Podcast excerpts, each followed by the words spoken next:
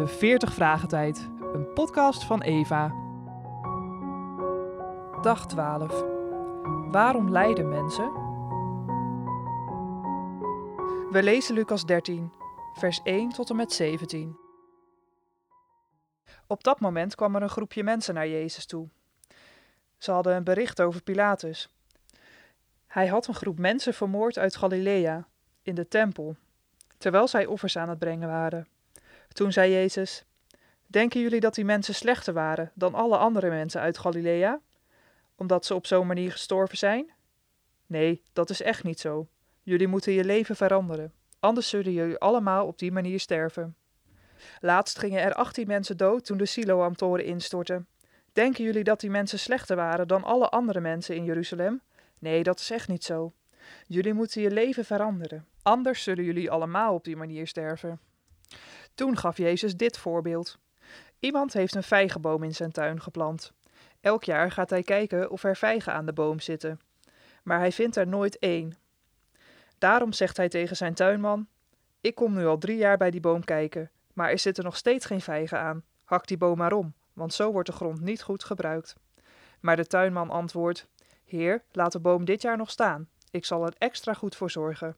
Misschien zijn er dan volgend jaar vijgen. Als het niet zo is, dan kunt u hem volgend jaar omhakken. Op een sabbat gaf Jezus in de synagoge uitleg over God. Daar was ook een vrouw die een kwade geest in zich had. Die geest maakte haar al 18 jaar ziek. De vrouw was helemaal krom, ze kon niet meer rechtop staan. Toen Jezus haar zag, riep hij haar bij zich en zei: Je bent bevrijd van je ziekte. Toen legde hij zijn handen op de vrouw en meteen kon ze rechtop staan. En de vrouw dankte God.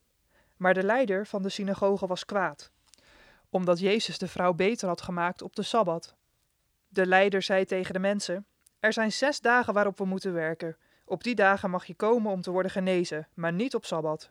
Maar de Heer antwoordde: Wat zijn jullie schijnheilig? Als je koe of je ezel wil drinken, dan geven jullie hem te drinken, ook al is het sabbat. Maar jullie willen niet dat deze vrouw op de sabbat geholpen wordt, terwijl ze bij het volk van Abraham hoort en al 18 jaar in de macht van Satan was. Toen Jezus dat zei, schaamden de tegenstanders zich. En alle andere mensen waren blij met de geweldige dingen die hij deed.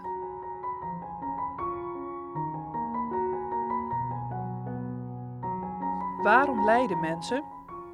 Het antwoord. Christus heeft geleden in deze wereld. Zijn volgelingen lijden er eveneens. Daarbij vergeten we soms ook dat er mensen zijn die geen volgeling van Jezus zijn, maar die toch lijden. Altijd weer hebben mensen, zowel Jezus' volgelingen als anderen, zich afgevraagd waarom mensen zo vaak moeten lijden. Wat is de betekenis en het nut ervan? Waarom overkomt het lijden vaak juist hele fatsoenlijke mensen, terwijl de goddelozen de dans lijken te ontspringen? In ons Bijbelgedeelte komen twee vormen van lijden voor die bepaalde mensen in Jezus' dagen waren overkomen. In het eerste geval ging het om mensen die door anderen waren gedood. De Romeinen hadden een aantal Galileërs die in de tempel hadden willen offeren, geslacht en hun bloed met offers gemengd. Het andere voorbeeld betrof het instorten van de toren van Siloam, waarbij 18 mensen door het neervallende puin waren gedood. Hier ging het om een tragisch ongeval. Altijd komt de vraag op: waarom kwamen juist die mensen om? Waarom wij niet? Hebben wij gewoon geluk gehad of zit er meer achter? Altijd weer hebben mensen gezocht naar godsdienstige verklaringen. Een heilige en rechtvaardige God beloont de rechtvaardige en hij straft de goddeloze. Dat lijkt nogal logisch. Als iemand dus iets vreselijks overkomt, zal het wel een straf van God zijn. Dat was al de simpele theorie van de vrienden van Job. En ook die van Jezus' eigen volgelingen, in het geval van de blindgeborene. De reactie van Jezus is dat je niet moet vragen naar de oorzaak van het lijden, maar naar het doel ervan, zoals het openbaar worden van de werken van God, in Lucas 13 is het iets dergelijks. Vraag niet waarom die Galileërs en die mensen in Siloam moesten lijden of sterven, maar waartoe. In dit geval is dat opdat jullie ervan zouden leren en je tot God zouden bekeren voordat het voor eeuwig te laat is. We leren van ons eigen lijden en dat van andere mensen. En soms ook van de verlossing uit het lijden. Toen de kromgebogen vrouw verlost was uit de banden van Satan, verheerlijkte zij God en de hele menigte was blij om al die heerlijke dingen die door hem gebeurden. Van het lijden gaat een ernstige boodschap uit, maar van de verlossing uit het lijden gaat een blijde boodschap uit. In beide gevallen wordt een mens naar God geleid, het zij om zich te bekeren, het zij om hem te verheerlijken.